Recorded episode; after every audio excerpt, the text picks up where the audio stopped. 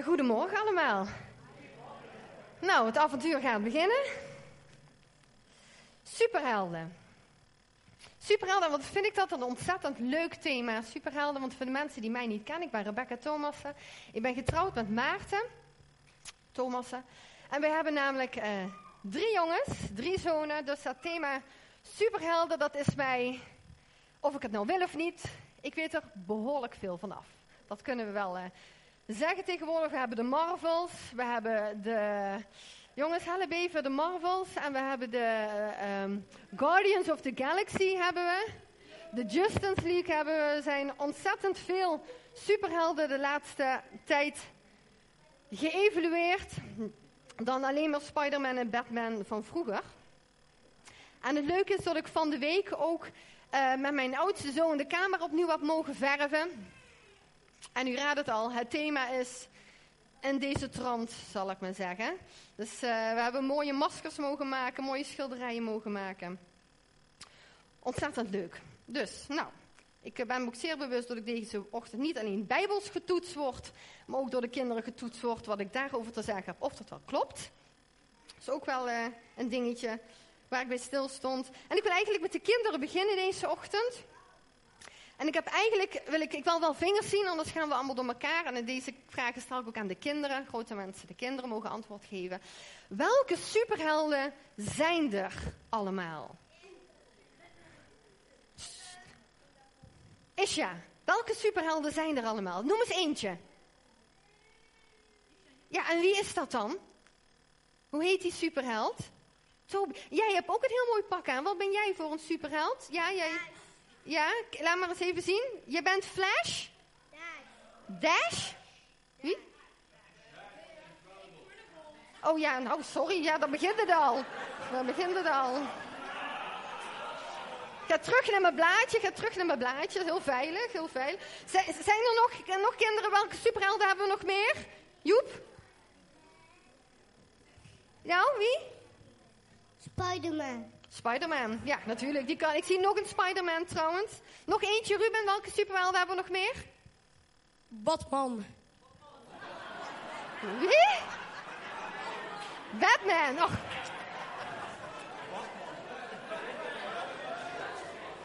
Batman. ja, ja. Nou, ik had net wel even het idee met al die bubbels dat ik in bad zat. Dat is wel zo. Heb ik nog een vraagje? Als je mocht kiezen, één, even duidelijk, één mag je kiezen. Als je mag kiezen welke superhoutje je heldje in het echt zou willen zijn, mogen zijn, wie, oh wie, zou je dan willen zijn? Vingers. Aaron. Thor. Thor. Ja, ja, nou, dat, uh, Thor met de superhamer, ja?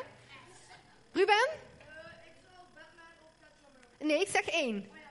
Batman, Batman. Ja, dat is moeilijk kiezen. Ik, ik ben zelf ook met mezelf te raden gegaan welke ik zou willen zijn. Hier nog iemand? Wie? Wie zou jij willen zijn? Supergirl. Wie? Supergirl? Supergirl. Ja, ik zie het ook. Heb je ook aan, hè? Ja, want ik dacht, er zijn ook vrouwelijke superhelden, hè? We hebben ook Wonder Woman. Dat pak je wel ik deze ochtend aandoen, maar ik denk, doe me niet, dat leidt te veel af. Doe maar, doe maar gewoon, doe wel gek genoeg, zeggen we toch wel eens, hè?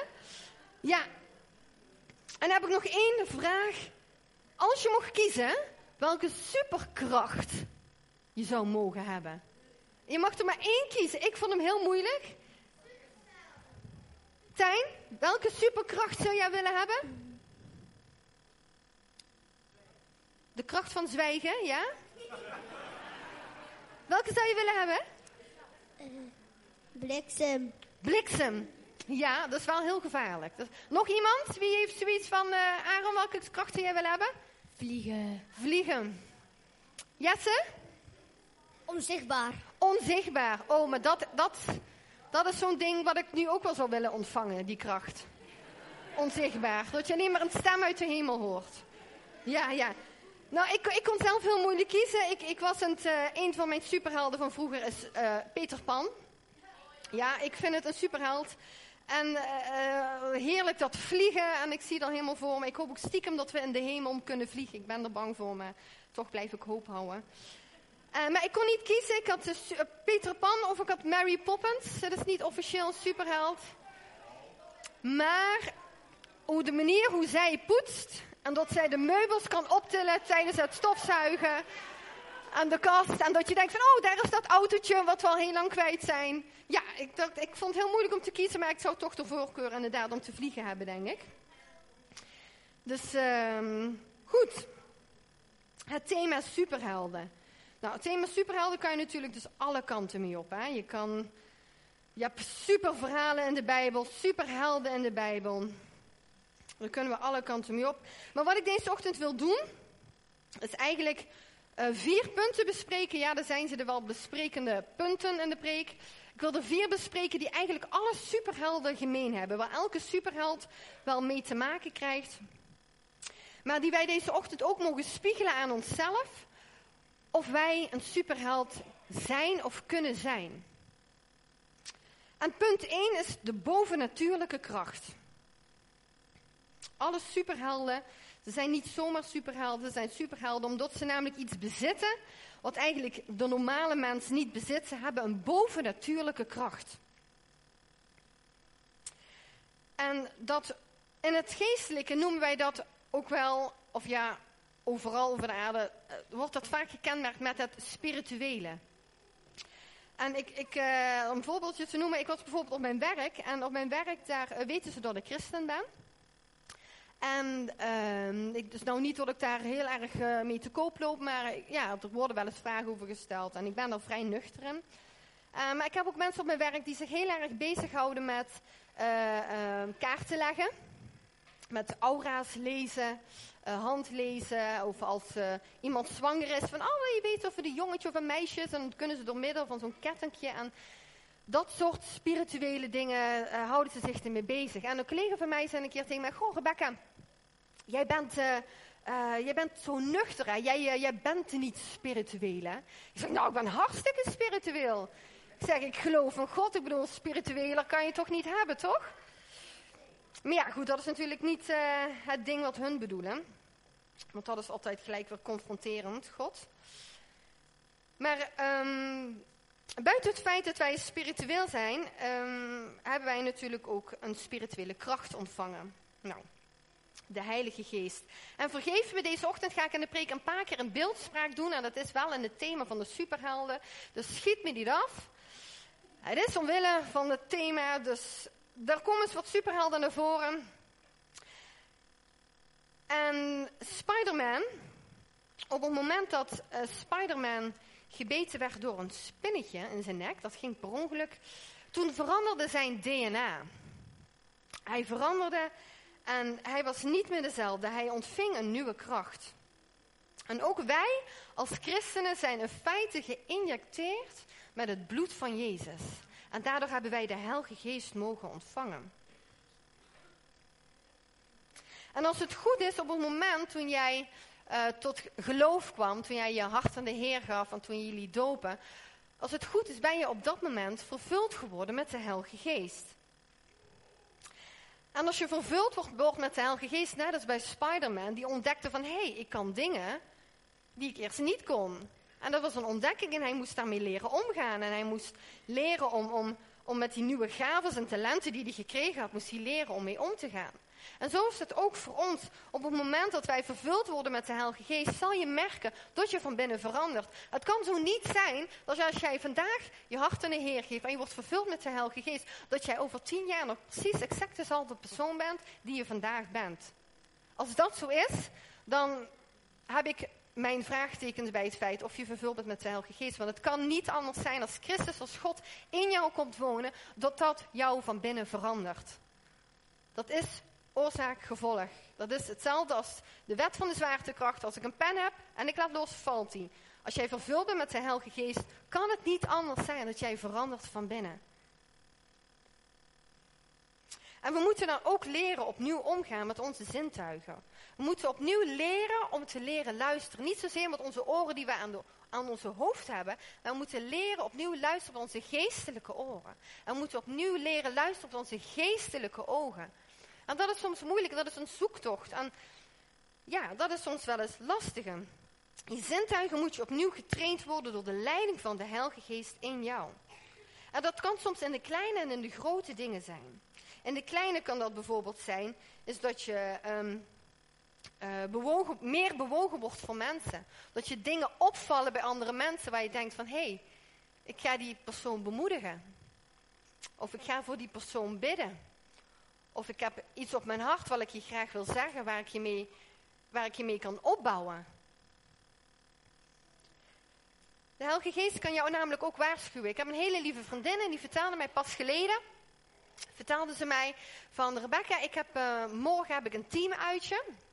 En ik kreeg, deze ochtend kreeg ik zo'n sterke gedachte, dat ik moest opletten uh, en dat ik uh, met het teamuitje, dat er iets kwam waar ik niet aan mee moest doen. Straks, die gedachte was zo sterk. En de teamuitjes van tegenwoordig, ik heb dat op mijn werk ook, wordt niet altijd meer verteld wat we gaan doen. Dat moet dan een verrassing zijn. Nou, ik hou daar helemaal niet van. Maar goed, zij vertelde mij inderdaad daarna dat zij uh, inderdaad dus op het teamuitje kwam. En ze gingen bij het teamuitje gingen ze een spel met z'n allen doen. Nou, en hoe zullen we dat noemen? Dat spel was nou niet bepaald een spel wat we thuis in de kast hebben liggen. En hoe mooi is dat? Dat Gods geest je al waarschuwt.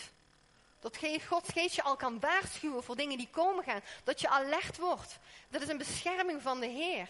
Hoe mooi is dat? Gods geest kan ook werken in de grote dingen. Vaak gebeurt dat, zie je dat in de wonderlijke dingen. Dat zijn de dingen niet bepaald die je misschien elke dag meemaakt. Maar ik weet van mijn man, mijn man is een aantal jaren geleden is hij naar India geweest. En dan heeft hij een spoedcursus binnengeleerd.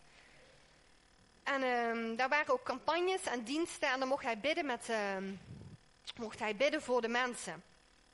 En hij bad dan voor de mensen en onder zijn handen werden dan mensen genezen. Nou, dat is extreem bijzonder, vind ik. En ik vroeg dan ook aan hem, ik zeg, ja maar schat, hoe weet je nou, hoe weet je nou dan waar ze last van hebben als ze bij jou komen bidden? Want je spreekt hun taal helemaal niet. En hij zegt, ja maar ik voelde op dat moment, als ik met mensen ging bidden, voelde ik wat aan mijn knie. Zegt hij. En toen wist ik dat, dat ik moest bidden voor het knie. En dat was dan ook waar. Zegt hij, er waren mensen die hadden last van hun rug. En dan kreeg ik ook last in mijn rug. Er waren mensen die hadden last van hun hand. En ik kreeg dan ook last van mijn hand. Dat is ook hoe Gods geest werkt. Dat is ook Gods heilige geest die zich dan op zo'n moment heel extreem openbaart in jou. Ik wil met jullie naar 1 Korinthe 2 vers 12 gaan. Ik heb geen beamer. Ik ben niet van dit tijdperk. Ik heb mezelf eh, vandaag, eh, vond, dit vond ik al genoeg. Dus ik ga het jullie voorlezen en je mag het opschrijven, je mag meelezen in 1 Corinthians 2 vers 12 tot en met 17. Klopt het wat ik ga doen? Even checken. Het klopt wat ik ga doen, ja. En nu heeft God aan ons zijn plan bekendgemaakt door zijn geest. Want Gods geest weet alles. Hij weet ook de diepte, gedachten en plannen van God. Wie kan weten wat er diep in de gedachten van een mens leeft? Dat kan toch alleen de eigen geest? Zo weet ook alleen Gods eigen geest wat er in God is. En wij hebben niet de geest van de wereld gekregen. Nee, wij hebben de geest van God gekregen. Daardoor kunnen wij weten wat God ons heeft gegeven. En over die dingen spreken wij dan ook. Maar niet met de woorden die uit de menselijke wijsheid komen. Nee, wij spreken met de woorden van de geest in ons. Zo kunnen wij geestelijke dingen ook met de hulp van de geest vertellen en begrijpen. Maar de mensen die Gods geest niet hebben, kunnen de dingen van Gods geest niet begrijpen. Ze vinden, ze vinden ze belangrijk. Ze kunnen ze niet begrijpen omdat ze alleen, ze vinden ze belachelijk. Sorry, ik las het verkeerd. Ze vinden ze belachelijk. Ze kunnen ze niet begrijpen omdat ze alleen de geestelijke dingen, omdat ze alleen geestelijke te begrijpen. Maar de mensen die Gods geest hebben, kunnen alles begrijpen. Maar zij zelf zijn voor de ongelovigen niet te begrijpen, want de boeken zeggen, wie kan begrijpen wat de Heer denkt en wat zijn plannen zijn? Wie zou hem goede raad kunnen geven? Maar wij hebben diezelfde manier van denken als Christus gekregen, zodat wij hem kunnen begrijpen. Door Gods geest zijn wij in staat om God te begrijpen. In hoeverre God op dat moment toelaat en wat wij op dat moment nodig hebben. Hoe bijzonder is dat? En ook onze gedachten moeten steeds vernieuwd worden. En de geest bewerkt dat in ons. En als het goed is, komt goddelijke wijsheid naar boven vanuit zijn geest. Ook de Bijbel lezen. Je kan de Bijbel lezen zonder Gods geest. Absoluut. maar de Bijbel begrijpen. De Bijbel doorgronden. De veelkleurigheid van de Bijbel kunnen begrijpen. En daar heb je Gods Heilige Geest voor nodig. We kunnen soms een Bijbeltekst lezen en dan kunnen we tien keer, tien keer lezen we hem. En de elfde keer, dan knalt hij binnen. De elfde keer, dan knalt hij binnen. Aan een of andere manier begrijp je dan pas echt wat de diepheid van die tekst is. Of wat jij op dat moment nodig hebt. En waardoor de geest eh, zich openbaart door die tekst. Ik moet zeggen, ik vind de Bijbel een behoorlijk moeilijk boek. Ik ben niet van uh, nature heel erg leeskundig aangelegd, doordat ik heel goed dingen kan bestuderen. Dus ik heb Gods geest ook echt nodig.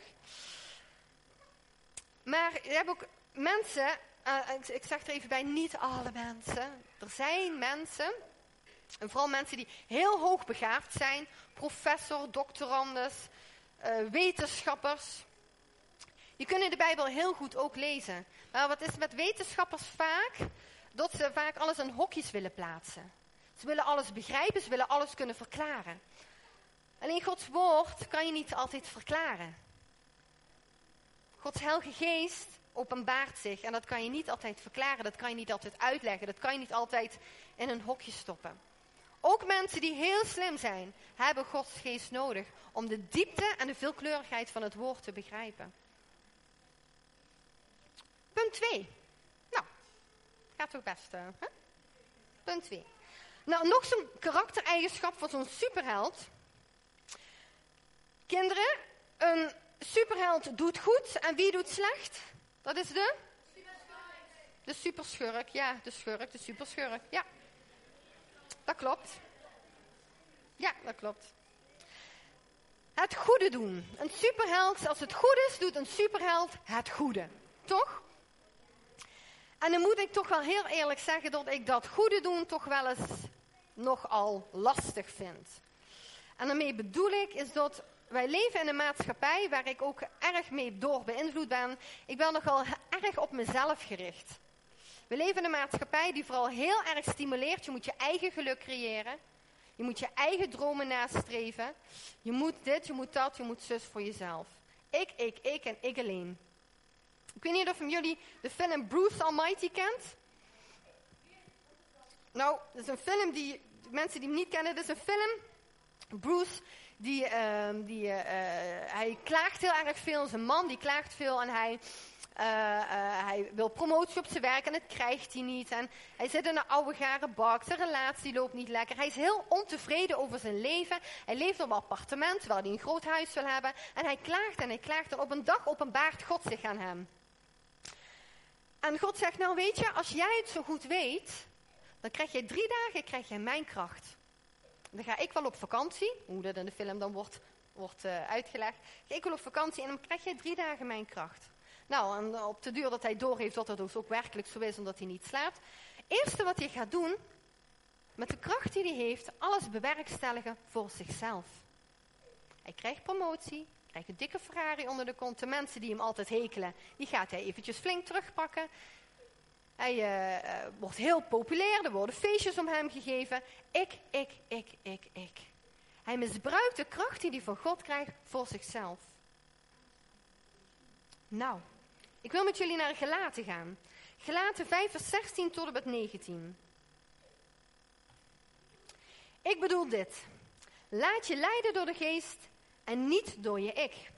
Want wat ik wil is precies het tegenovergestelde van wat de geest wil.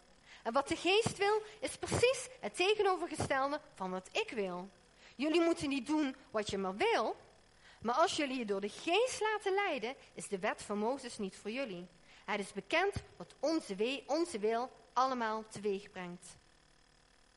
En dat zijn dan niet goede dingen. Onze verlangens zijn niet Gods verlangens. En Gods verlangens zijn vaak niet onze verlangens. Ik moet elke keer opnieuw, moet ik dat, hoe noemen wij christenen dat? Tegen het vlees vechten, tegen je eigen begeerte vechten om het goede te doen.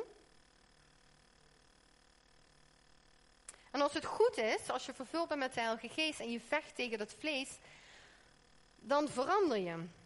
En als het goed is, dan als mensen je ontmoeten voordat je bekeerd was en na een tijdje opnieuw ontmoeten, dat ze zeggen van er is iets anders in jou. Ik kan er niet de vinger op leggen wat het is, maar er is iets anders in jou. En hoe noemen we dat dan? Dat noemen we de vruchten van de geest. En wat zijn die vruchten dan? Gaan we weer naar Gelaten. Gelaten 5, vers 22 tot en met 26. Maar door de geest ontstaat liefde, blijdschap, vrede en geduld, vriendelijkheid, goedheid, geloof, hulpvaardigheid, zelfbeheersing. Tegen zulke dingen heeft de wet van Mozes niks. De mensen die van Christus zijn, hebben hun ik, met alles wat erbij hoort, gekruisigd. Laat je dus leiden door de geest, dan zul je ook door de geest op het rechte pad blijven. Oeh, hebben we alles gekruisigd?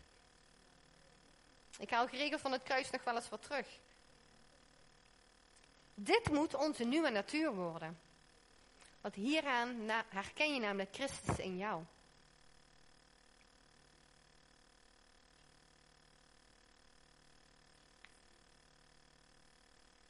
Punt 3. Verborgen identiteit. Zoals we hier al zien lopen allemaal superhelden rond. Dus een aantal superhelden met een masker op. En die verbergen zich achter een masker. En die superhelden, op het moment dat ze zich bewust worden van hun nieuwe kracht, dan zie je dat ze denken van ja, ik heb die nieuwe kracht en met die kracht kan ik dus eigenlijk allemaal goede dingen doen. En ze trekken dan zo'n superheldpakje aan, zo'n masker om, want het ziet blits uit.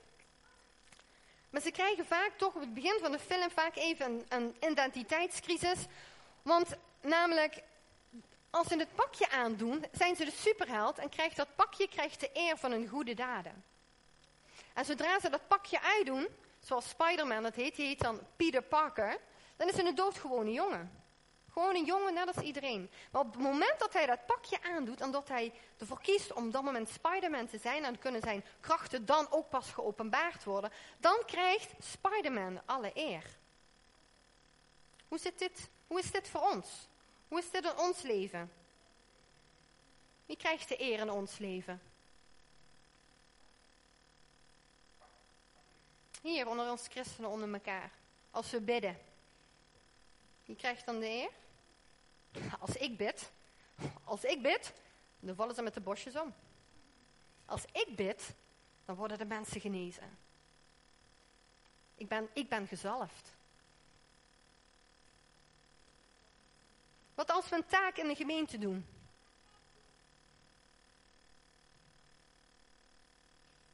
Zijn we dan bezig met om gezien te worden? Hoe goed we het doen? Hoe getalenteerd we zijn? Wat als iemand honger heeft? Geen eten heeft en je geeft hem eten? Moet iedereen dan weten hoe goed jij was? Dat je die geen boodschappen hebt gebracht? Dat jij ervoor hebt gezorgd dat hij niet hoeft honger te lijden? Wil graag naar Matthäus. Matthäus 6, vers 1 tot en met 4. En Jezus zei tegen zijn leerlingen: Wees goed voor andere mensen, maar doe dat niet om iedereen te laten zien hoe geweldig je bent. Want dan krijg je geen beloning van je hemelse vader. En als je een bedelaar iets geeft, laat het dan niet aan iedereen weten. De schijnheilige mensen in de synagoge en op straat doen dat wel. Want zij willen graag door de mensen geprezen worden. Luister goed, ik zeg jullie dat ze hun beloning al hebben gekregen. Maar als je een bedelaar iets geeft, zorg er dan voor dat je linkerhand niet weet wat de rechter doet. En zo is het geheim wat je gedaan hebt. En je vader, die, je vader, die de verborgen dingen ziet, zal je er openlijk voor belonen. Welke houding vraagt God van ons hierin? God vraagt van ons hierin een nederige houding. En een nederige houding is ook weer zo'n dingetje waar ik wel eens last van heb. Waar mijn vlees last van heeft. Ik vind het toch ook wel heel fijn om gezien te worden, toch? Ik heb het woord nederig eens opgezocht in het woordenboek. Mijn kinderen vragen geregeld van mama, wat betekent dit en wat betekent dat? En dan weet ik het wel. Maar ik vind het dan, punt het uitleggen, vind ik nog wel eens punt 2. Nederige houding. Wat is een nederige houding? Nederigheid is een houding of een eigenschap die zich kenmerkt door weinig voor zichzelf te eisen en zichzelf niet op de voorgrond te plaatsen en afkeert van gebruik van macht en opeisen van eer. Nederigheid is niet te combineren met egoïsme en egocentrisme. Dat is een behoorlijke boterham. Misschien denk je, ja Rebecca, mogen we elkaar dan geen complimenten geven? Mogen we elkaar dan niet bemoedigen? Mogen we dan niks zeggen tegen elkaar als iemand iets goed doet? Tuurlijk wel. Sterker nog, ik denk, we moeten elkaar complimenten geven. We moeten elkaar bemoedigen, want daar groeien van. Alleen voor mijzelf moeten we uitkijken dat het niet mijn drijfsfeer wordt om dingen te doen. Dat anderen jou complimenteren, dat is fantastisch, daar groeien van, dat voelt goed. Heb je ook nodig. Maar als het je drijfsfeer wordt om dingen te doen in de kerk, buiten de kerk, op het podium, naast het podium, maakt niet uit wat het dan ook is. Dat is geen goede houding. Dat is niet de houding die God van ons vraagt. Ik was een keer om een conferentie met het dienstenteam, een aantal jaren geleden, twee jaar geleden denk ik. Nou, ik moet zeggen, de conferentie, ik had er niet zo heel veel aan. Ik, ja, ik kon er niet zoveel mee. Is ook niet interessant nu eigenlijk om te zeggen. Maar er was een preek, er waren een aantal korte preken gegeven. En er was een preek waar ik bij zat. Dat vond ik wel een fijne preek. Maar er was één zin, zinnetje die die persoon zei. En die kwam bij mij heel erg binnen. En toen dacht ik, dit is iets wat ik elke dag of elke keer aan mezelf moet toetsen of dat zo is. En hij zei, het is de bedoeling dat je je talenten en je gaven in de kerk ontwikkelt en inzet om God zichtbaar te maken. Het is niet de bedoeling dat wij de kerk gebruiken om onze talenten en gaven in te zetten voor eer van onszelf. Nou, die kwam binnen op dat moment. Ik zal hem nog eens voorlezen. Het is de bedoeling dat je je talenten en je gaven in de kerk ontwikkelt. Nee, het is. Ja, ja, ja, wel. Ik lees hem even in de wacht, sorry hoor. Het is de bedoeling dat je je talenten en je gaven in de kerk ontwikkelt en inzet om God zichtbaar in jou te laten maken. Het is niet de bedoeling dat wij de kerk gebruiken om onze talenten en gaven in te zetten tot eer van onszelf. We moeten uitkijken dat de kerk of de kerken geen talentenshow uh, clubje wordt. Waar we allemaal dingen mogen doen omdat we die misschien buiten de kerk niet kunnen doen of zo. Dat is niet de essentie. Ik kwam een hele mooie tekst nog tegen. Uh, ik weet niet of die bijbels is hoor. Dat uh, stond er niet bij, maar ik vond hem zo mooi. Nederigheid is de bereidheid om ons aan de wil van de Heer te onderwerpen. En de Heer de eer te geven van wat wij door de geest stand hebben gebracht. Niet ik, maar God in mij.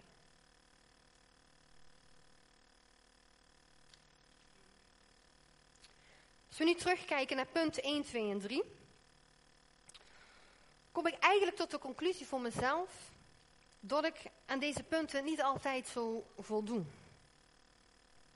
En als ik heel eerlijk ben, vind ik het best behoorlijk lastig om een christen te zijn. Ik vind het niet makkelijk. En ik voel me niet altijd fijn. En ik loop niet altijd in de wolken met verliefdheidsgevoelens. Ik vind het moeilijk. God weet op een of andere manier altijd de vinger op de zere plek te leggen. God weet altijd van mij te vragen wat ik juist zo moeilijk vind. Wat ik al goed kan, dat hoef ik niet te ontwikkelen. Maar juist de punten die ik nog niet kan, moet ik ontwikkelen. Rijn zei het vorige week in zijn preek zo mooi. God houdt van je om wie je bent. Maar houdt nog meer van je om je zo te laten. Hoe je bent. Mijn geestelijke oren en ogen zijn niet altijd even goed en even scherp afgesteld. En de vruchten van de Heilige Geest zijn niet altijd zichtbaar in mijn leven. En mijn nederige houding is ook geregeld ver te zoeken. Dan we bij punt 4. Een symbool. Onze superhelden hebben altijd een symbool, hè jongens? Zijn we er nog? Ja, mooi, mooi, mooi, mooi. Superhelden hebben altijd een symbool. Ze heeft Superman heeft die S, weet je wel? En Spider-Man heeft die spin. En wat hebben we nog meer van super... Uh, Toby heeft de T, zie ik? Ja, de T. Captain America heeft hier dat schild, hè? Oh nee, de A heeft hij. De A, ja, ja. Sorry, hoe? Aaron, wat hebben we nog meer? Marvel steek Ruben. Ja, de Flash. Batman, inderdaad, heeft dat... Uh, die vleermuis, inderdaad. inderdaad, ja. Weet u, wij hebben ook een symbool. We hebben het kruis. Dat is ons symbool. God wist al lang. God wist al lang dat wij nooit aan al deze kenmerken zouden kunnen voldoen. Tot in de perfectie zoals zijn zoon Jezus heeft gedaan. God wist al lang dat wij geregeld zullen vallen en weer moeten opstaan.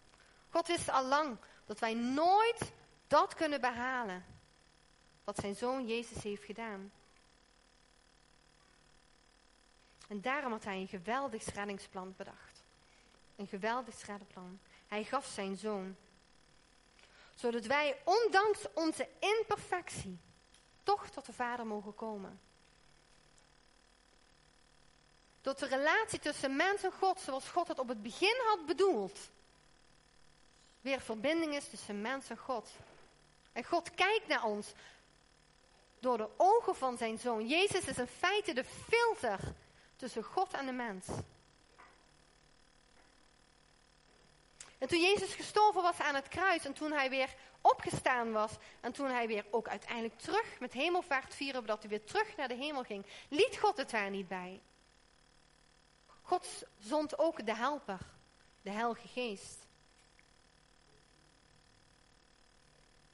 En die Heilige Geest die helpt ons elke dag opnieuw om meer en meer en meer op Jezus te gaan lijken. Ons symbool is het kruis. En op dit kruis mogen wij ons beroepen.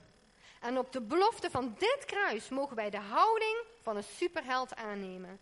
Niet omdat wij zo geweldig zijn, maar omdat Hij zo genadig is. Dit is onze identiteit. Dit is onze autoriteit. Ik wil graag naar Efeziërs. Dan ga ik afsluiten.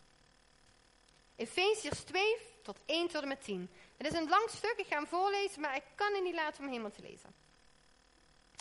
Vroeger waren jullie geestelijk dood. Dat kwam door jullie ongehoorzaamheid aan de God en door de slechte dingen die jullie deden. Want jullie leefden op een manier waarop de ongelovige mensen nu eenmaal leven. Zij laten zich leiden door de duivel, de leider van de onzichtbare machten. Hij is de geest die werkt in de mensen die God niet gehoorzamen. Vroeger hebben wij allemaal zo geleefd. We deden allemaal wat we zelf wilden. Daarom verdienen we Gods straf, net als alle andere mensen. Maar God is, maar God is vol medelijden. Hij wil ons graag vergeven, omdat Hij zo ontzettend veel van ons houdt. Daarom heeft Hij ons tegelijk met Christus levend gemaakt. Want we waren geestelijk dood door alle slechte dingen die we hadden gedaan. We zijn dus alleen maar gered doordat God zo geweldig goed voor ons is geweest. En niet omdat we het verdiend hebben. God heeft ons levend gemaakt en ons nu samen met Christus een plaats gegeven in de hemelse plaatsen. We zijn er in Jezus Christus, want in de wereld die nog komt wil Hij laten zien hoe geweldig goed Hij voor ons is. Hij heeft ons Jezus Christus gegeven, want omdat God zo liefdevol en goed is, heeft Hij jullie gered.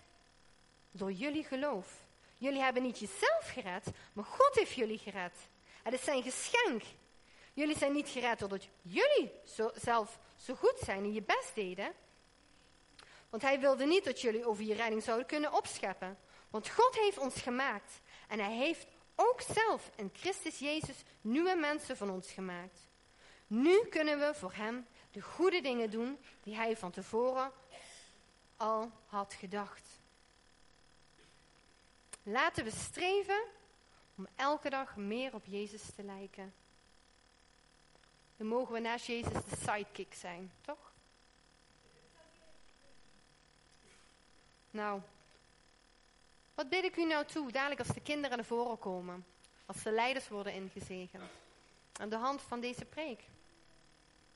Maar niet alleen voor de kinderen, de leiders, maar ook voor uzelf thuis, in uw gezin, op uw werk, op je stageplek, misschien op de voetbalclub, in de buurtvereniging. Wat bid ik je nou toe? Ik bid je toe dat je meer of dat je weer bewust mag worden van de kracht van de geest in jouw leven. Dat andere mensen mogen eten van de vruchten van de Heilige Geest aan jouw boom. Dat je een leven leidt ter eer en glorie van God. En dat je dit alles mag leren vanuit de genade en de liefde van Hem en voor Hem. Amen.